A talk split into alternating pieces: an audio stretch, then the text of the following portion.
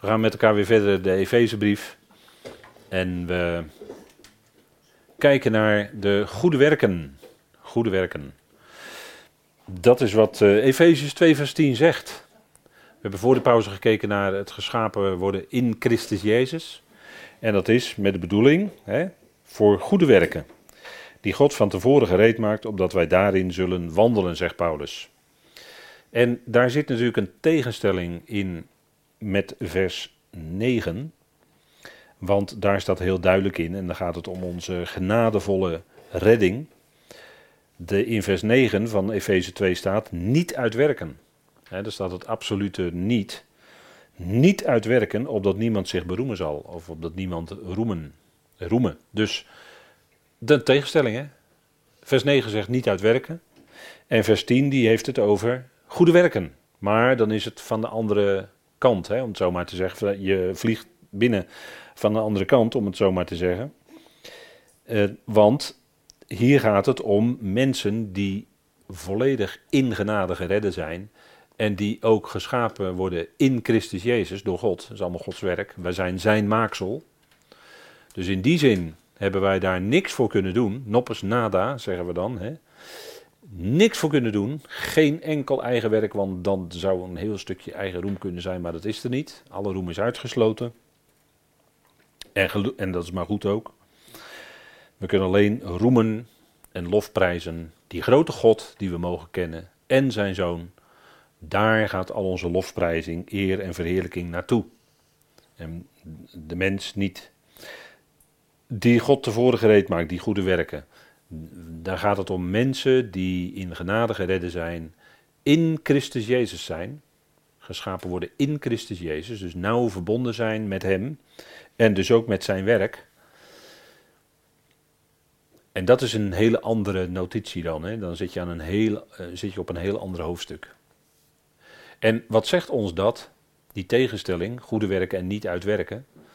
Dat is al wat motief heeft om iets voor God te willen verdienen, hè, dus al dat werk wat nog het motief heeft om nog iets voor God te willen verdienen, dat is geen goed werk. Daar kun je eigenlijk heel, heel simpel mee zijn. Hè? Zodra die notitie erbij zit van we willen toch nog iets voor God verdienen of we willen toch nog zelf, uh, ja wat zal ik zeggen, wordt wel eens gezegd hè, wij zullen gezamenlijk bouwen aan het koninkrijk hier op aarde. Nou, dat is geen goed werk hoor. Nee, daar gaan we wel heel kort over zijn. Dat zijn niet de goede werken.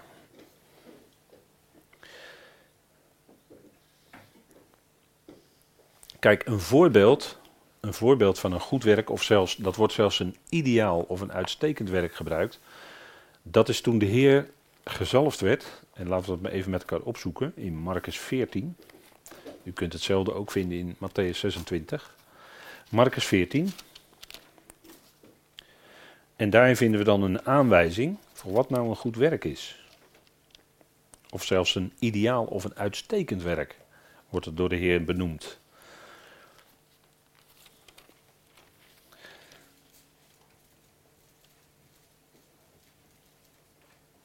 En dan lezen we in Marcus 14, vers 3.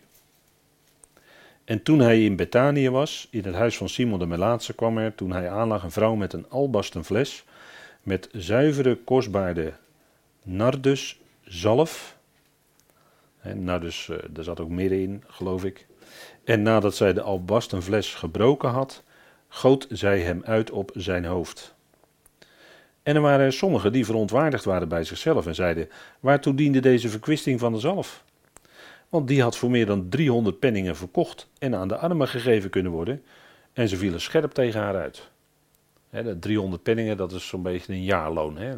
Een penning was een dagloon, zeg maar, in die tijd.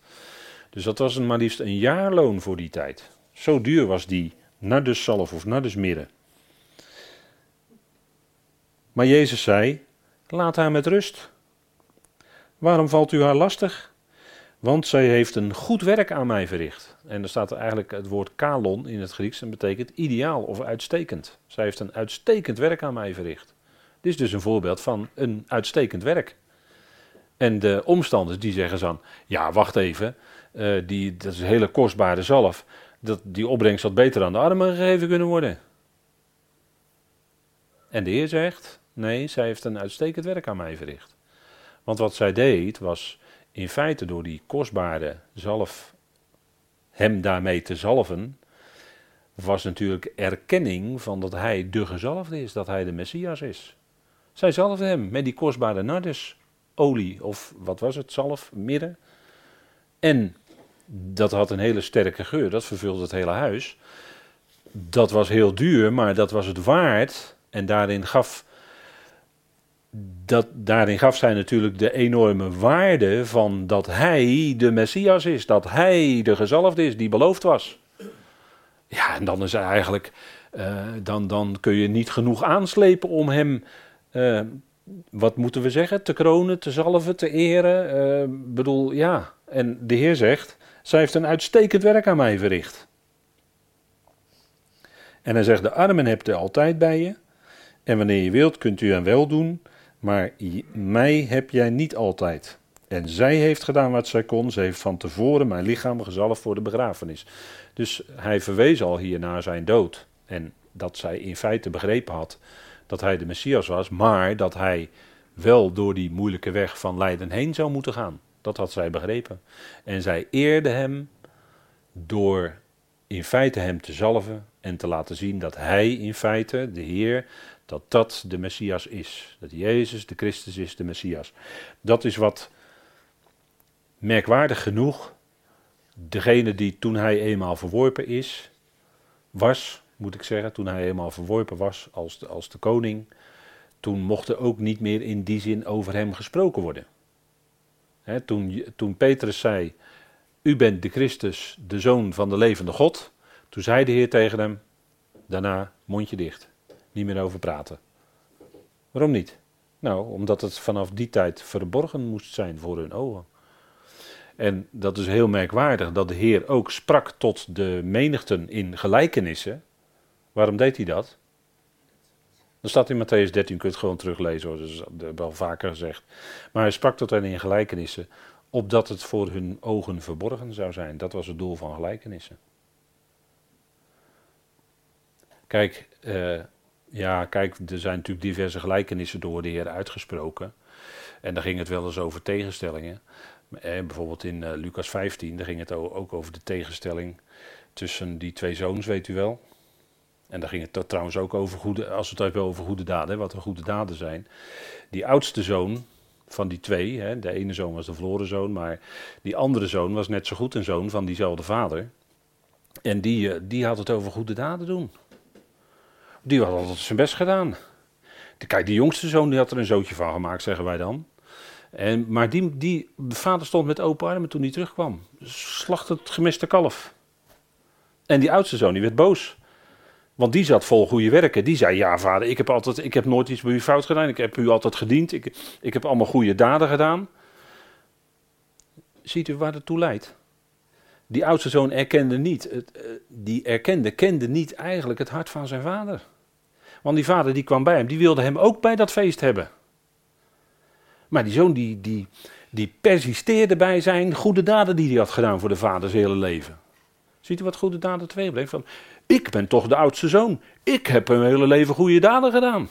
En die, die, die is er vandoor gegaan. Die heeft zijn hele, die heeft zijn hele lotdeel, zijn erfdeel helemaal erdoor gebracht. En de vader stond met open armen klaar. Kijk, is het paradoxale, wat de Heer dan laat zien, van het hart van die vader, wat natuurlijk wel heel veel zegt over het hart van God. En het ging natuurlijk over die groepen die stelde de Heer tegenover elkaar. Want kijk, in die oudste zoon werden natuurlijk uitgebeeld de fariseeën en de schriftgeleerden. Daar ging het om. Daarmee prikte hij in hun hart. En die jongste zoon, dat waren de gelovigen onder Israël. Maar dat waren degenen die geminacht werden. Dat waren degenen die dan zogenaamd zich niet aan de wet hielden, althans vanuit het oogpunt van uh, de, de fariseeën, weet u wel. Lucas 18 is ook zo'n gelijkenis die de Heer dan noemt hè, over die fariseeën die zichzelf wel uh, goed vond. Ik ben blij dat ik niet, bezig, niet ben zoals die anderen, zo. Nou, de Heer was in die gelijkenissen constant bezig die klassen van zijn volk tegenover elkaar te zetten en daar een, natuurlijk een geestelijke les uit te laten zien, maar ook gebruikt hij die gelijkenissen om de dingen te verbergen. Dat was het doel van die gelijkenissen. En het punt is, dat, dat is vaak moeilijk bij predikanten of bij predikers of ja, degene die woord, evangelische gemeentes, voorgangers, noem maar op. Kijk, wat je merkt, wat je vaak merkt, is als daar gesproken wordt, dat men een bepaalde gedachte heeft van wat men tegen de betreffende gemeente wil zeggen. En men zoekt daar dan vervolgens een Bijbelgedeelte bij. Maar dan kun je het om volgens mij. Ik denk dat het zo werkt dat als je gaat spreken, dat je biddend vader vraagt om uit welk gedeelte je gaat spreken. En dat je dan bij iets bepaald wordt. En al voorbereidend ga je ontdekken, dat wil vader eigenlijk zeggen. Ziet u dat het in werkelijk in, in, in dat het eigenlijk precies andersom werkt?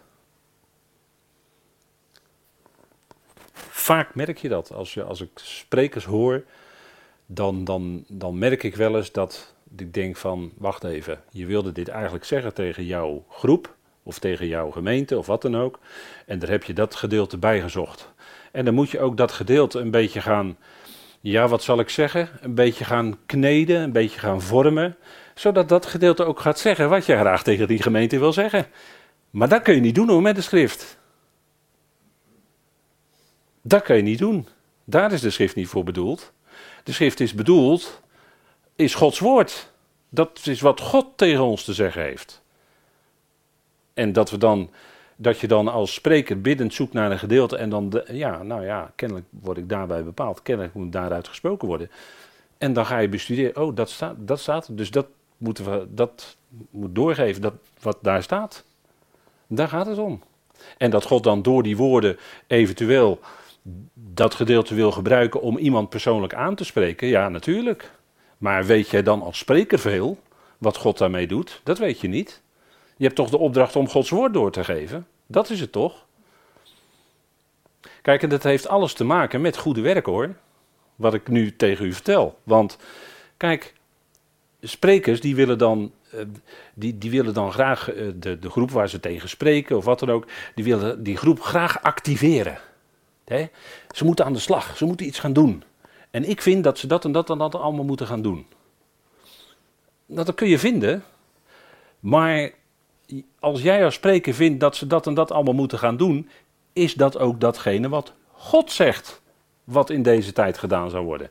Dat is wat je je a priori zou moeten afvragen. Dat is het punt. Dat is het punt. En waarom dat, eh, dat belangrijk is, is omdat het gaat daarom, hoe gebruik je deze schriften? Hoe gebruik je die? Gebruik je die als wat het werkelijk is, het woord van God? En aanvaard je dat ook zo? Of ga je er op een andere manier mee om? Ik denk dat dat een heel belangrijk punt is hoor. Heel belangrijk. Want kijk, je kunt. Eh, Laat ik één voorbeeld noemen uit een redelijk recente geschiedenis. Praat ik over een jaar of zestig terug. Toen had je de zogenaamde, ja het is een contradictie, had je de zogenaamde marxistische theologen. Had je.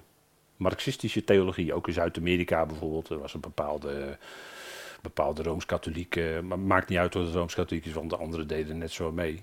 Maar die gebruikten dus marxistische elementen, hè, de marxistische filosofie, en die mengden ze door, door, laten we zeggen, de Bijbel of het Bijbelgebruik of wat ze wilden vertellen. En, die, en het ging dan om dat, dat, het ging dan vooral omdat we dan de armen, hè, dat de, de, de armen, dat zijn eigenlijk de mensen die gered zijn. En die pastor die kon dat prachtig vanuit de Bijbel motiveren hoor. De armen zijn eigenlijk de geredden. Dat kun je uit de Bijbel halen hoor, als je dat wilt. Alleen wat doe je dan? Dan laat je de Bijbel, dat zei een leraar tegen mij op Bijbelschool, dan laat je de Bijbel buik spreken. En dat kan je niet doen. Kijk, een buikspreekpop kun je laten buikspreken, maar de Bijbel niet. Dat is van een hele andere orde. Dat is van een hele andere orde dat is wat toen, hè, dat is wat toen, ik, hè, dat, dat is wat toen speelde. En, en dan had je in Nederland had je ook een bepaalde theoloog die daar heel erg gecharmeerd van was. En dan ga je zomaar allerlei marxistische elementen vermengen door jouw prediking, door jouw theologie, door wat je zegt. En dan ben je het kwijt hoor. Dan heb je Gods woord niet meer. Dan heb je een verhaal. En dan krijg je de meest rare uitkomsten. Dat je denkt van ja, maar dat staat niet in mijn Bijbel, wat je nou zegt. Nou, dat is ook wat je altijd zou moeten doen, hè? De, de toetsen aan de schrift. We zouden Bereërs toch zijn? Hè? De toetsen aan de schrift, wat staat geschreven. Tuurlijk. Nou, zij deed een ideaal werk aan de Heer. En de Heer zei: Kijk, die armen, die heb je altijd. Maar mij niet, want ik ga weg. Zei hij in feite. Hè? Lijden, sterven, opstaan, weg. Dat wist hij. En de, hem hadden ze dus niet altijd. En de armen wel. En daar was in de Torah ook best wel in voorzien hoor. De Heer zou voldoende opbrengsten, althans, zo zou het moeten zijn voldoende opbrengst te geven van het land, zodat niemand in armoede hoeft te zijn, zodat het niemand gebrek zou hoeven lijden. Dat zei de Torah. Dat het in de praktijk anders ging, dat is wat anders natuurlijk. Dat had je ook dan in die klassen, hè, die, die schriftgeleerden en fariseeën, die waren, die waren ook hier rijk. Die tollenaars waren ook, hè, Zacchaeus, hè, die zat in die boom, die was ook rijk geworden van eh, tol en dan nog extra voor zichzelf ook bijheffen. Hè, dus ja, wat dat betreft. Maar goed, zij deed een uitstekend werk, want zij eerde hem, hoeveel dat kostte, maakte op dat moment even niet uit. Hè? Zij eerde en verheerlijkte hem als de Messias, als de gezalfde. Zij liet zien, dit is hem, waar al zo lang op gewacht was, waar al duizenden jaar op gewacht was in de profetieën. En daar gaat het om. En, dat, en uh, dan kunnen wij zeggen van ja, um, de manier waarop je bezig bent, daar trek je geen volle zalen mee. Of daar komen niet zoveel mensen door tot geloof. En ja, natuurlijk, kijk, er zijn, er zijn natuurlijk uh, uh, groepen en, en, en die, die dan uh, planmatig, die dan bedrijfsmatig gaan werken. Die zeggen van nou, wij willen dat er over 10 jaar 20% meer mensen in de, in de dienst, in de samenkomst op zondag zitten. Dat, dat is gewoon de wereld. Dat is geen geestelijk principe, dat is gewoon de wereld. Dat is gewoon naar de wereld plannen maken en, en een, planning maken en dan allerlei technieken daarop in gaan zetten en weet ik wat allemaal. Een schitterende band en uh, gelikte samenkomsten met allemaal muziek en, uh, en, en, met donker en licht werken en met mooie powerpoints, presentaties, weet ik wat allemaal. Ja, dan krijg je volle zalen mee. Kijk maar naar Hillsong in, in, in Australië, Engeland, bijvoorbeeld. Die kregen duizenden en duizenden en duizenden jongeren. Daar kreeg de zaal wel vol mee. Maar klinkt daar ook het goede nieuws? Klinkt daar ook het evangelie zoals dat naar de schrift is? Dat zouden wij ons moeten afvragen hè, dan. Dat vragen wij ons af. Of klinkt er, wat, wat het heel vaak is, en dat hoor je in Nederland ook, of klinkt er een soort feel-good boodschap. Met, veel, met samenkomsten met veel emotie, waarbij je je goed voelt enzovoort. Ja, dan kreeg die zaal wel vol mee hoor. Dat is allemaal op de ziel gericht. Wat ik nu net vertel, dat is allemaal op het zielse gericht. En wat het evangelie dan, de inhoud van het evangelie is en de prediking, dat is op het geestelijke gericht. Dat is op de geest gericht, dat is heel anders. Maar daar word je niet populair van. Daar krijg je geen volle zalen mee. Paulus was aan het eind van zijn leven ook bijna alleen. Die werd ook overal, moest hij weg. Werd hij eruit gezet. Gestenigd. Hebben we net behandeld in de handelingen. Lystra. Wat denkt u ervan? De, waarheid is niet populair in deze tijd. En de waarheid, daar komen ook geen dromme mensen op af. Echt niet hoor. Nee. Dat is, dat is het punt, hè. En dat is, dat, dat is zoals het gaat. En eh, nou ja, goed. We, we, willen heel nauwkeurig kijken.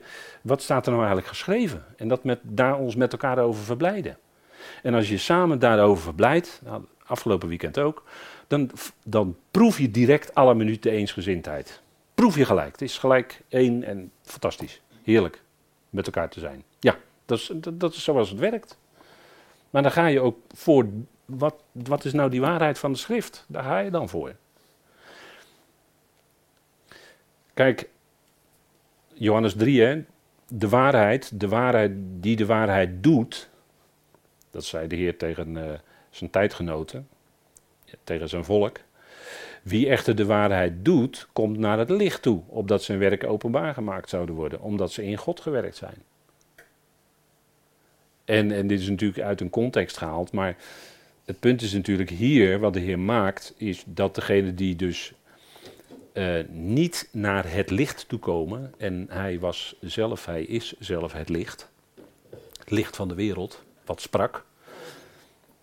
Ja, en de fariseeën en schriftgeleerden, die, eh, dat, die gingen niet naar het licht toe. Die gingen niet naar hem toe. Waarom niet? Omdat hun eigen werken slecht waren. En als ze naar het licht toe zouden komen, wat zou er dan gebeuren? Nou, dan zou dat licht natuurlijk op hun eigen werken vallen. En dan blijkt wat hun eigen werken zijn. En dan blijkt dat het niet in de haak is. En het punt is als je hè, dat, dat. En daarom kon de Heer, dat staat er ook in een eerder hoofdstuk, niet in Johannes 3, maar in Johannes 2 aan het eind. Daarom kon de Heer, daarom vertrouwde de Heer zich ook niet aan iedereen toe, staat er dan, omdat hij wist wat in de mens was. Dat hij wist wat in de mens was. Hij keek door de buitenkant heen. Hij keek naar het hart. En daarom was het gewoon zo dat de Heer zich niet aan iedereen toevertrouwde. Kon niet. Kon niet. Want soms is het wel zo dat je de waarheid eh, hebt leren kennen. En dat is voor jou, een, eh, als het ware, om even die gelijkenis te gebruiken uit Matthäus 13. Dat is voor jou als het ware die kostbare parel, die waarheid. Maar eh, elders zegt de Heer Jezus ook dat je geen paarlen voor de zwijnen moet werpen. Begrijpt u wat ik bedoel? En daarom vertrouwde de Heer zich ook niet aan iedereen toe. En kon hij ook niet aan iedereen alles vertellen.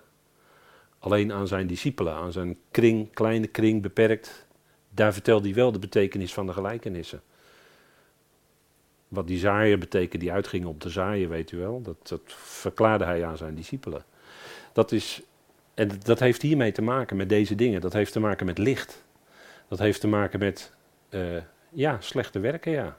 En die fariseeën en schriftgeleerden waren bezig met uh, slechte werken. Slechte werken. De kameel doorslikken. Hè, in een beeld gesproken. En de dille en de komijn vertienen. Daar let eens op, hè. Dille en komijn, hele kleine plantjes.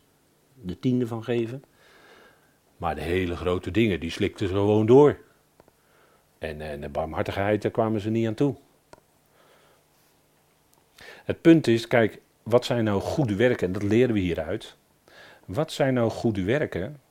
Goede werken zijn die werken die overeenkomstig het ontvangen licht van God zijn. En als we dat vertalen naar waar we vaak regelmatig, wat regelmatig aan de orde komt, is dat er twee lijnen in de schrift zijn, twee evangeliën, en dat licht wat God nu in deze tijd geeft, is het evangelie van de onbesnedenen. Dat is het licht. En we zouden daarin werken. Dat zijn goede werken. Met andere woorden, als je aan die andere kant gaat zitten, het evangelie van de besnijdenis, of het evangelie van het koninkrijk, en je daar heel sappel over gaat maken, dan ben je niet bezig met goede werken. Want dan ben je bezig met wat, wat ik net al even zei, Bijvoorbeeld, wij bouwen aan het koninkrijk hier op aarde. Of wij gaan heel hard werken zodat overal het evangelie van het koninkrijk gepredikt is. Want er staat in Matthäus 24 dat overal dat evangelie van het koninkrijk eerst gepredikt moet worden en dan zal de Heer terugkomen.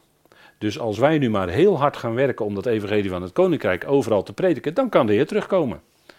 Wat heb je dan bereikt? Dan heb je bereikt dat de Heer afhankelijk is van jouw werken. En dat is, uh, sorry, dat is een ballon en die prik ik dan nu, pats.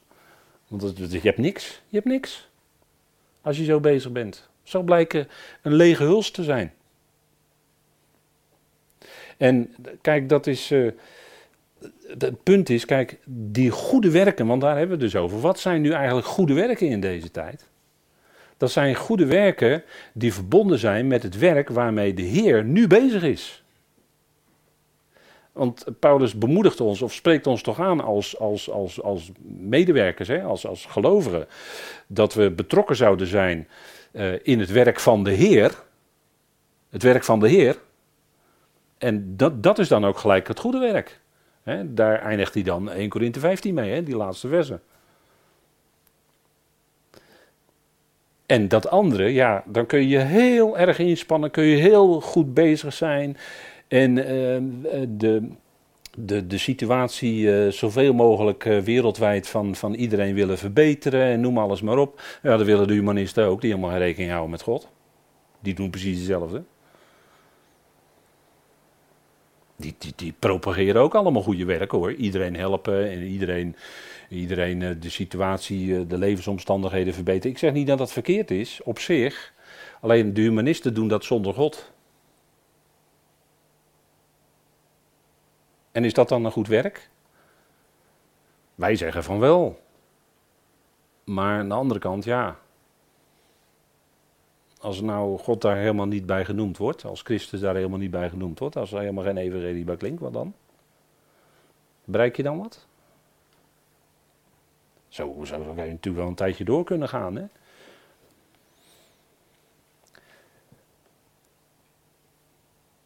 Kijk, waar de Heer mee bezig was, waar de Heer mee bezig was. En uh, kijk, het is natuurlijk ook merkwaardig toen de Heer tijdens zijn bediening uh, gaandeweg werd, uh, werd, werd afgewezen, werd verworpen door zijn eigen volk. Hè. Dan lees je in het begin, toen mogelijk dat koninkrijk had nog kunnen doorbreken, dat hij iedereen genas die bij hem kwam. Maar dat deed hij later niet meer hoor, dat genezen. Dat is toch wel vreemd eigenlijk. Want wij zouden zeggen, nou ja, uh, lichamelijke genezing, hè, dat is de situatie van mensen verbeteren. Maar later deed de Heer dat niet meer. En het wordt nog vreemder, er zijn natuurlijk hele vreemde dingen die de Heer dan zegt. Dan komt hij in Bethesda bijvoorbeeld, en dan ligt er daar iemand die ligt daar al 38 jaar. En dan stelt de Heer een hele rare vraag aan die persoon daar. Wil jij beter worden? Wil jij gezond worden? Dat is toch een rare vraag? Als wij de macht hadden gehad om die persoon beter te maken, zouden we niet eens vragen, zouden we hem gelijk herstellen. Toch? Dat is toch een rare vraag? Hij die de macht had om alle minuut diegene te genezen, te herstellen. Later deed de, de man bij de schone poort, Petrus, en die man die, die kon zo opstaan. Later zie je bij Paulus precies hetzelfde. Dat is toch ook vreemd? Waarom stopte de Heer met die goede werken doen dan? Nou, dat, dat staat hier. Hij deed de werken die de Vader hem gegeven had om te doen. En dat hield dus in dat hij tijdens zijn aardse bediening op een gegeven moment, eh, ja, maar zo langzamerhand een beetje stopte met mensen genezen en noem alles maar op. Want er, was, er staat er ook soms bij, er was ook geen geloof in die plaats. Dus eh, kijk, dat zijn allemaal van die. God werkt uit, hè? En God gaf aan de zonen bepaalde werken te doen. En hij zegt ook: Ik moet de werken van degene werken die mij gezonden heeft. Dat was zijn enige criterium. Dat was zijn enige maatstaf. Die werken die vader hem te doen gegeven had. En niet anders dan dat. Dus dat zijn natuurlijk hele. En hij zegt ook: Kijk, de woorden die ik tot jullie spreek, spreek ik niet uit mezelf, maar de vader die in mij blijft, doet zijn werken. Dus de vader werkte die werken door hem heen uit. Dat moest hij op dat moment doen. De ging niet de hele wereld bekeren. Nee, hij was alleen gezonden tot de verloren schapen van het huis van Israël. Dat is wat hij zei. Dat was het werk wat de Vader hem te doen gegeven had. En u ziet hoe je als mens zo snel over deze dingen heen kan redeneren. Hè? Dat wij dan menselijke maatstaven nemen vanuit ons eigen gevoel of vanuit onze eigen filosofie. En dan zeggen, ja, maar het is toch goed om dat en dat te doen. Oh ja, is dat zo? Is dat zo? Heb je de schrift erop geraadpleegd? Ga je daar je tijd aan besteden, bedoel ik dan? Of ga je tijd aan andere dingen besteden? Dat is natuurlijk de vraag, hè? Is een hele praktische. Ehm, nou ja, dat andere woord doe ik maar niet. Dat zeg ik niet. Dat is een hele praktische vraag voor ons leven van elke dag. Waar besteed je nou je tijd eigenlijk aan? Ja, ja dat is wel goed om je dat af te vragen, zonder krampachtig te worden. Maar kijk, de Heer Jezus deed wat de Vader hem te doen gaf in zijn dienst aan Israël in verband met het komende koninkrijk. En dan is het ingekaderd. In dat kader werkte de Heer. En hij trad daar niet buiten. Dat was wat de Vader hem te doen gegeven had. En vertaal het nu naar onszelf. Als wij betrokken willen zijn bij het werk van de Heer, hè, dat is wat Paulus zegt. En dat mogen we ons altijd ter harte nemen. in 1 Corinthië 15 een machtig hoofdstuk over de opstanding. Die kracht, die werkt ook in ons. Daar zegt de Heer, daarom mijn geliefde broeders, wees standvastig, onwankelbaar, altijd overvloedig in het werk van de Heer. Dat werk. Daarin zouden we standvastig, onwankelbaar en overvloedig zijn. En niet in het werk wat wij zelf bedenken of wat wij als mensen goed vinden. Of waar wij over gaan zitten vergaderen van wat zijn de goede werken. Daar hoef je dan niet over te vergaderen hoor. Dat vind je wel in de schrift terug. Gewoon luisteren naar wat de schrift zegt. Wetend, en dan is het inderdaad, weten dat jullie inspanning niet te vergeefs is in de Heer. Want anders kon het wel eens zijn dat je straks bij de Bema staat en dat je tegen de Heer zegt: Ja, maar wij hebben allemaal dit gedaan, wij hebben allemaal dat gedaan, wij hebben toen dat en dat en dat allemaal gedaan. En dan zal de Heer zeggen: Ja, hier vuur, allemaal hout, hooi, stro, weg. Dat, dat kan gebeuren. Dat kan gebeuren. Een, een, een, fijne uitlegger van de schrift die zei: Het is veel beter om relatief niet zoveel te hebben na de Bema. Dan heel veel ervoor te hebben of te hebben gedaan. Ja? Dus je kan enorme grote dingen opzetten en je kan enorme campagnes, weet ik wat allemaal organiseren. Maar wil helemaal niet zeggen dat dat het werk van de Heer is hoor. Dat wil helemaal niet zeggen. Kijk, je kan natuurlijk een, een, gloeiende tentcampagne opzetten. Heb ik ook al meegedaan hoor. Evangelisatie, tentcampagnes van Morgenrood enzovoort. Allemaal al meegedaan. Langs de deuren gaan met traktaatjes, gesprekken met mensen. Allemaal meegedaan. Maar kijk, God heeft ons in die zin helemaal niet nodig hoor. Kijk, hij kan met één klein traktaatje. kan hij een wereld veranderen hoor. God. Heeft hij ons helemaal niet voor nodig. Moeten die dingen wel als, ook als het gaat om goede werken, moeten we die dingen ook in het juiste perspectief zetten. Hè? Om wie het nou werkelijk gaat. Want dat is wat onze tekst ook vandaag zegt. Het zijn die goede werken die God tevoren gereed gemaakt heeft, opdat we daarin zouden wandelen. Die goede werken. Ja, en dan moet je in het licht van de schrift gaan afvragen, wat zijn dat nou?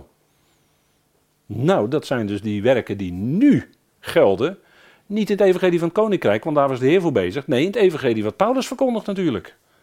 Die kunnen we nu wel inkoppen, denk ik. Ja, dat is nogal logisch. Daar, daar zijn die goede werken mee verbonden. Ja, zeker. Want dat is het evangelie wat nu zou klinken. En dan eh, kun je best, uh, zoals uh, ooit in Amerika ging, had men ook. Ik heb een foto van gezien, evangelisatieauto een evangelisatiewagen, helemaal opgetuigd, gingen ze mee evangeliseren. Maar wel het evangelie van Paulus. Dat, dat is natuurlijk wel dan, hè. Nou, en dat, kijk, zoals de discipelen en apostelen bij zijn werk betrokken waren, hè, daar stuurde hij ze op uit. Zo mogen wij nu zijn bij het werk wat God ooit via de apostel Paulus gestart is. De uitroeping en, en de opbouw enzovoort, alles van het lichaam van Christus. Ja, dat is wat, het werk waar wij betrokken bij mogen zijn. Dat zijn goede werken voor nu. Ja, zeker.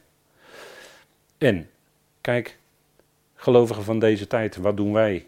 Nou, als we nou bij zijn werk betrokken zijn, wat denkt u? Die goede werken. Waar is hij voor geroepen? Hij is nu verhoogd en wat gaat hij doen? Hij gaat het al, gaat hij tot compleetheid brengen. Hebben we in, in de eerste hoofdstuk geleerd hè, van de Efezebrief. Die laatste verse. Hij brengt het al tot compleetheid. Dus daar gaan wij zeker in de toekomst als voltallig lichaam van Christus. In dat werk zijn wij in de toekomst betrokken in de komende eonen. we, gaan niet uh, twee eonen lang uh, boven. We hadden het net wel over die psalmen over de harp enzovoort. Dat is prachtig. Maar we gaan niet twee eonen lang boven op een harp zitten spelen hoor.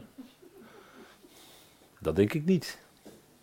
Nee, de Heer heeft nog wel genoeg te doen, te doen voor ons de komende eonen. Daar gaan we zeker aan meewerken.